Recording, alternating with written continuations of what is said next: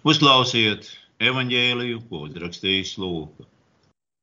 Kad Jēzus tojās Bētfagē un Betānijai, pie tā sauktā olīvu kalna, viņš sūtīja divus savus mācekļus tiem sacīdams: Noejiet uz šo ciemu, kas pretī. Tur iegājuši jūs atradīsiet piesietu ēzelīti, uz kura neviens cilvēks nekad vēl nav sēdējis. To atsieniet un atvediet. Ja kāds jums jautā, kādēļ jūs to atraisāt, tad sakiet, tas ir vajadzīgs tam kungam. Un tie, kas bija sūtīti, aizgāja un atrada visu, kā viņš bija sacījis. Viņiem atraisot ēzelīti, saimnieki tiem jautāja, kādēļ jūs atraisāt ēzelīti? Viņi sacīja, tam kungam tas vajadzīgs. Un viņi atveda to pie Jēzus un uzmetuši ēzelītim savas drēbes, uzsēdināja Jēzu tam virsū. Viņam jājot ieklāja savas drēbes uz ceļa, un kad viņš tojās vietai, kur ceļš ved lejup no olīvu kalna, viss mācekļu pulks priecādamies, skaļā balsī sāka slavēt Dievu par visiem brīnumiem, ko bija redzējuši. Tie saucas svētīts ir ķēniņš, kas nāk tā kunga vārdā, miers debesīs un gods augstībā. Daži farizēji no pūļa viņam sacīja: Skolotāji, apsauc savus mācekļus. Bet viņš atbildēja: Es jums saku, ja viņi klusēs, tad akmeņi brēks. Kad viņš pienāca tuvāk pilsētai, uzlūkojis to, viņš sāka raudāt sacīdams. Ak, kaut uz šodien būtu sapratusi, kas nes tev mieru, bet tas vēl ir apslēpts tavām acīm. Āmen. Kā ķēniņš iejājis Jeruzalemē un raugoties uz pilsētas krāšņiem, kas tām priecēja daudz arī viņa mācekļu acis, Jēzus raud. Un dziļu nopūtu pilni saka, kaut jau tu arī zinātu, un šī pašā un savā laikā, ko pie tava miera vajag. Bet nu tas ir apslēpts priekš tavām acīm. Tas ir tā, kā šo tekstu tulko Gliks. Kaut jau tu arī zinātu, un šī laikā, un savā laikā, ko pie tava miera vajag bet nu, tas ir apslēpts priekš tavām acīm. Nopūtas nav svešas arī mūsu dienā. Kāds populārs vēsturnieks, kuru grāmatu tirāžas sniedzas miljonos, savu grāmatu par cilvēces vēsturi beidz šādi. Tā kā drīz mēs spēsim konstruēt arī savas vēlmes, tad iespējams īstais jautājums, uz ko mums jāatbild. Nav jautājums, par ko mēs vēlamies kļūt, bet jautājums, ko mēs gribam gribēt. Vai ko mēs vēlamies vēlēties. Tie, kuri nav šā jautājuma izbiedēti, iespējams, nav pietiekoši par to domājuši. Un tālāk grāmatas pēcvārdā viņš savu domu paskaidro vairāk. Pašreiz cilvēks atrodas uz robežas, aiz kuras viņš kļūst par dievu. Gatavs ne tikai iegūt mūžīgo jaunību, bet arī dievišķas spējas radīt un iznīcināt. Diemžēl cilvēce līdz šim ir radījusi maz ko tādu, par ko varam būt lepni. Mēs esam izveidojuši, iekārtojuši savu apkārtni, palielinājuši pārtikas ražošanu, uzcēluši pilsētas, nodibinājuši impērijas un radījuši plašus tirniecības tīklus. Bet vai esam šajā pasaulē samazinājuši ciešanas? Atkal un atkal masīva cilvēces varenības izaugsme nebūtu nav uzlabojusi atsevišķo cilvēku labklājību un parasti radījusi neizmērojamas ciešanas dzīvnieki. Pēdējās desmitgadēs mēs beidzot esam panākuši zināmu progresu. Tik tālu, cik tas attiecas uz cilvēka dzīvi. Samazinot bādu, sērgas un kārus. Tomēr dzīvnieku situācija pasliktinās straujāk nekā jebkad agrāk. Un cilvēces stāvokļa uzlabošana ir pārāk nesena un trausa, lai mēs varētu būt par to droši. Vēl vairāk par spīti pārsteidzošajām lietām, kuras cilvēki spēja darīt. Mēs joprojām neesam droši par saviem mērķiem un esam tikpat neapmierināti kā vienmēr. Mēs esam virzījušies uz priekšu no kanoe laivām uz galerām, no galerām uz tvaikoņiem un kosmosa kuģiem, bet neviens nezina, kurp mēs ejam. Mēs esam daudz varenāki kā jebkad agrāk, bet mums ir pavisam maz izpratnes par to, ko ar visu šo savu varenību iesāk. Vēl sliktāk. Cilvēki šķiet vēl bezatbildīgāki kā jebkad agrāk. Iecēluši sevi dievu kārtā, tikai fizikas likumiem sastādot mums kompāniju. Mēs vairs neesam atbildīgi neviena priekšā. Mēs bez mitas radām haosu dzīvnieku pasaulē un apkārtējā ekosistēmā meklējot neko daudz vairāk kā tikai paši savu komfortu un izpriedzes. Un tomēr nekad neesam apmierināti. Vai ir vēl kas bīstamāks par neapmierinātiem un bezatbildīgiem dieviem, kuri nezina, ko tie grib? Atkal tas pats skumjais secinājums, ka mēs nezinām, kas mums ir vajadzīgs lai rastu mieru un apmierinājumu. Tikai šoreiz tas nāk nevis no Jēzus, bet no sekulāra cilvēka, agnostiķa vai pat ateista mutes. Kas tas ir? Kas tā ir par sērgu, postu un nelaimi? Ka mēs ne tikai nezinām, ko gribam, bet vēl mazāk zinām to, ko mums vajadzētu gribēt. Kādēļ tas ir apslēpts cilvēku acīm?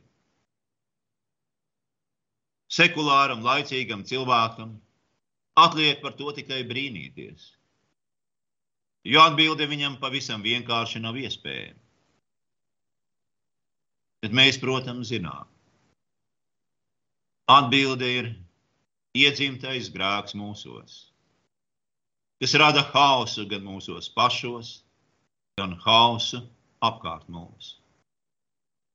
Lai kā pret šo cilvēku dabas samaitātību cīnās laicīgie ķēniņi, lai kā to cenšas izprast šīs pasaules gudrie un varenie, lai kādas metodas un līdzekļus rada inženieri, ģenētiķi un visa zinātnieku plejāde. Tas ir un paliek neizprotama mistērija un nepārvarama vara. Cilvēka prātam šī mistērija vienkārši ir pārāk augsta, pārāk liela un arī galvenais biedinoša un nīstama. Viņi nevēlas atteikties no sava lepnuma, no varas un skaita, un tādēļ izvēlas celt sev piramīdas un impērijas. Un vēl viņi saka, mūsu ir daudz. Mēs varētu piebilst evaņģēlie vārdus, mūsu vārds ir leģions. Bet vai tad Jeruzaleme neuzņēma Jēzu ar prieku? Šķietami jā. Bet sagaidītāju pūlis bija tikai saviņots, entuziasma pilns, nenosvērtu ļaužu bars. Šodien tas ir svētdienā, tiek liedza uz Jānu, bet piekdienā jau bļāva sit viņu krustā. Vai tā ir Dieva valstība, un vai tie ir Dieva valstības bērni? Šodien Kristus tiek pūļa cildināts kā ķēniņš, bet sajūsma un klaigāšana ne tuvu nav tas pats, kas Dieva valstība. Kas ir Dieva valstība?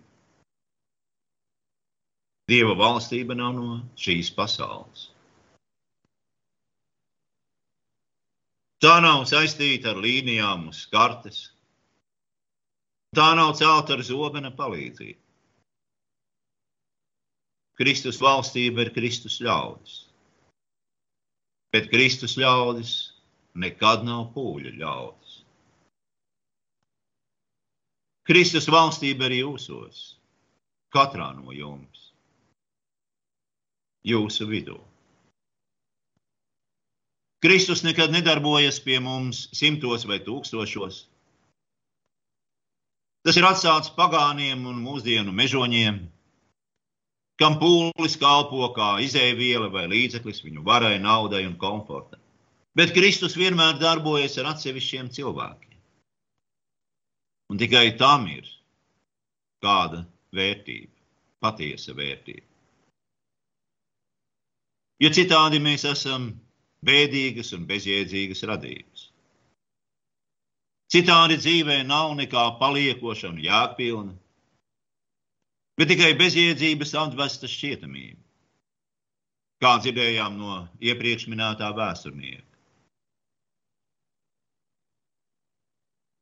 Ja bijāt uzmanīgi, tad viņa tēma bija cilvēks, pūlis, bet ne cilvēks indivīds ne katrs atsevišķais, un arī ne dieva tauta, bet dzīvnieki, kurus viņš sauc par cilvēkiem. Jo cilvēks viņam nav nekas vairāk kā viens no dzīvniekiem. Arī Jēzum patīk dzīvnieki. Bet ne dzīvnieku bars. Bet viens vienīgs dzīvnieks, ēzelis. Jēzum bija vajadzīgs ēzelis. Bet kurš gan gribēs kļūt ēzelis? Es gribu, un vēl daudzi grib. Jo ēzelis zina, ko viņš grib.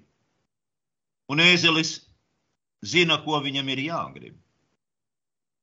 Un tādēļ viņš nav bīstams, kā neapmierināti un bezatbildīgi mūsdienu dievi kuri galīgi nezina, ko tie grib. Turklāt šie dieviņi vienmēr ir izsalkuši, izslāpuši īgni un neapmierināti paši ar sevi un visu šo pasauli. Bet mēs priecājamies ar neizsakāmu bērnišķu prieku par to, ka Jēzus reiz sūtīja savus mācekļus, lai viņi atved mūs kā ēzeļus pie viņa. Un tagad mēs varam piederēt viņam, savam mīļajam kungam, Jēzum Kristum. Un ko viņš dara ar mums? Mums pašiem to neapzinoties, no ēzeļiem viņš dara mūs par dieviem. Kamēr tie, kur ir pārliecināti par savu dievišķumu, paši sev vēl nemanamāk, bet noteikti un nenovēršami pārtop īstos valna ezeļos, kas pūzdami un auzdami stiep malku uz ēlu. Bet mums adventas ķēniņš šodien saka: Nāciet pie manis visi, kas esat nopūlējušies un zem smagas nastas. Nāciet visi ēzeļi pie manis, un es jūs atvieglināšu. Uzņemieties manu jūgu un mācieties no manis, jo es esmu lēnprātīgs un sirdī pazemīgs Tad jūs atradīsiet atvieglojumu savām dvēselēm. Jo mans jūgs ir tīkams un mana nasta viegla. Redzot Jēzus varenos darbus, vienkāršie ļaudis cildina viņu kā gaidīto mesiju Kristu. Bet šīs pasaules varenie to nespēja paciest. Un kuriozā veidā lūdz pašam Jēzum apklusināt savus mācekļus.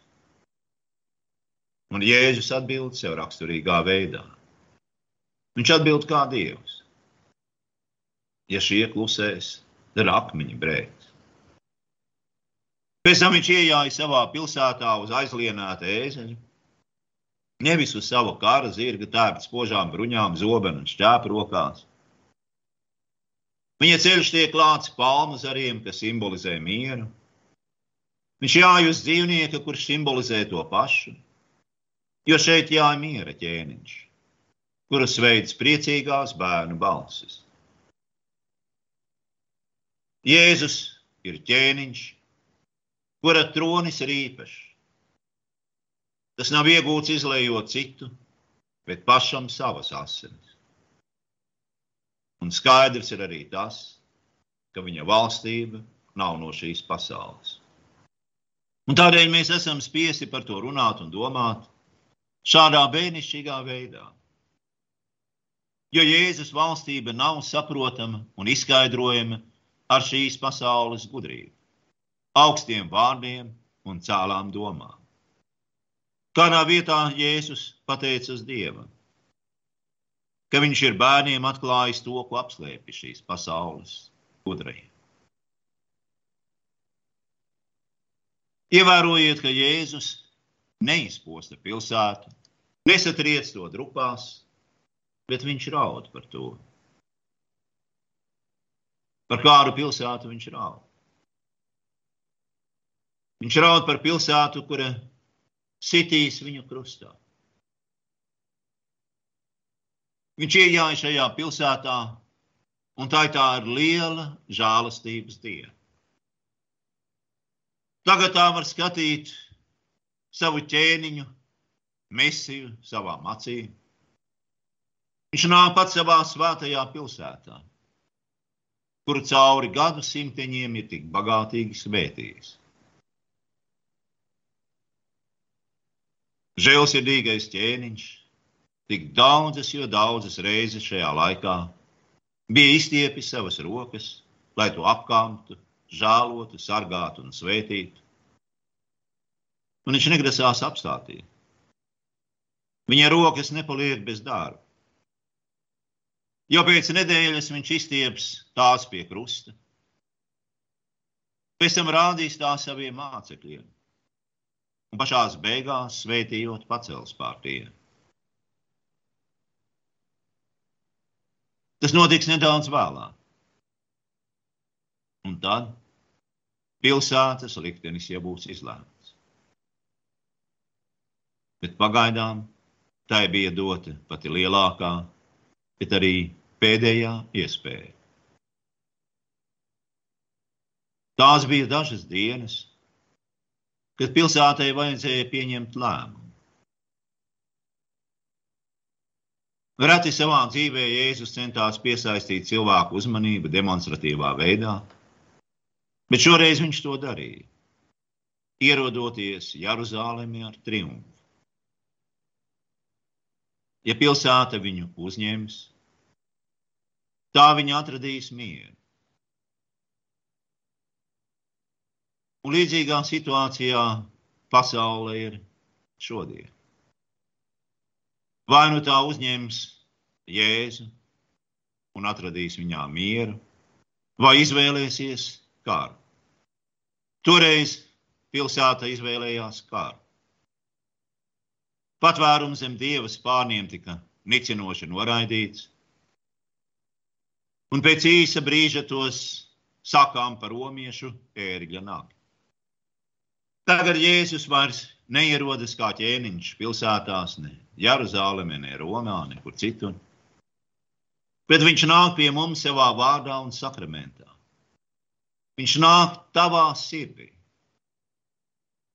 Un viņš nāk katrā sirdī atsevišķi, nevis visās kopā un uzreiz. Tas ir tas, ko mēs saucam par sakramentu. Tas netiek dots visiem vienlaicīgi un uzreiz, bet katram atsevišķi, dziļi personīgi. Tādēļ arī grēku piedošanu mēs pasludinām katram atsevišķi. Kristījam katru atsevišķi, nevis visus kopā, un vakarēdienu dodam katram atsevišķi. Jēzus nāk tavā sirdī, un viņš turpina to darīt pazemīgs un lēnprātīgs un miermīlīgs.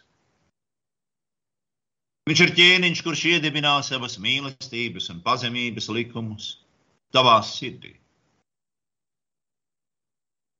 Bet tas nozīmē visu šīs pasaules valstību lepnības un godības noraidību. Noraidījumu tavā sirdī.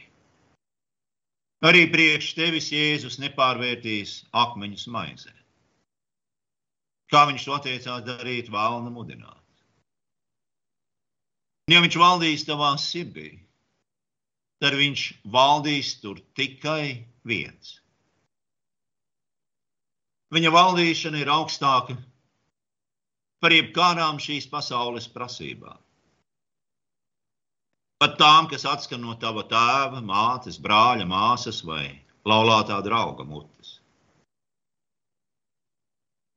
Tu esi viņa valstībā, jo tu esi devis uzticības zvērstu, kas saista tevi arī tad, ja viņš prasa kaut ko neparastu, grūtu, nepatīkamu.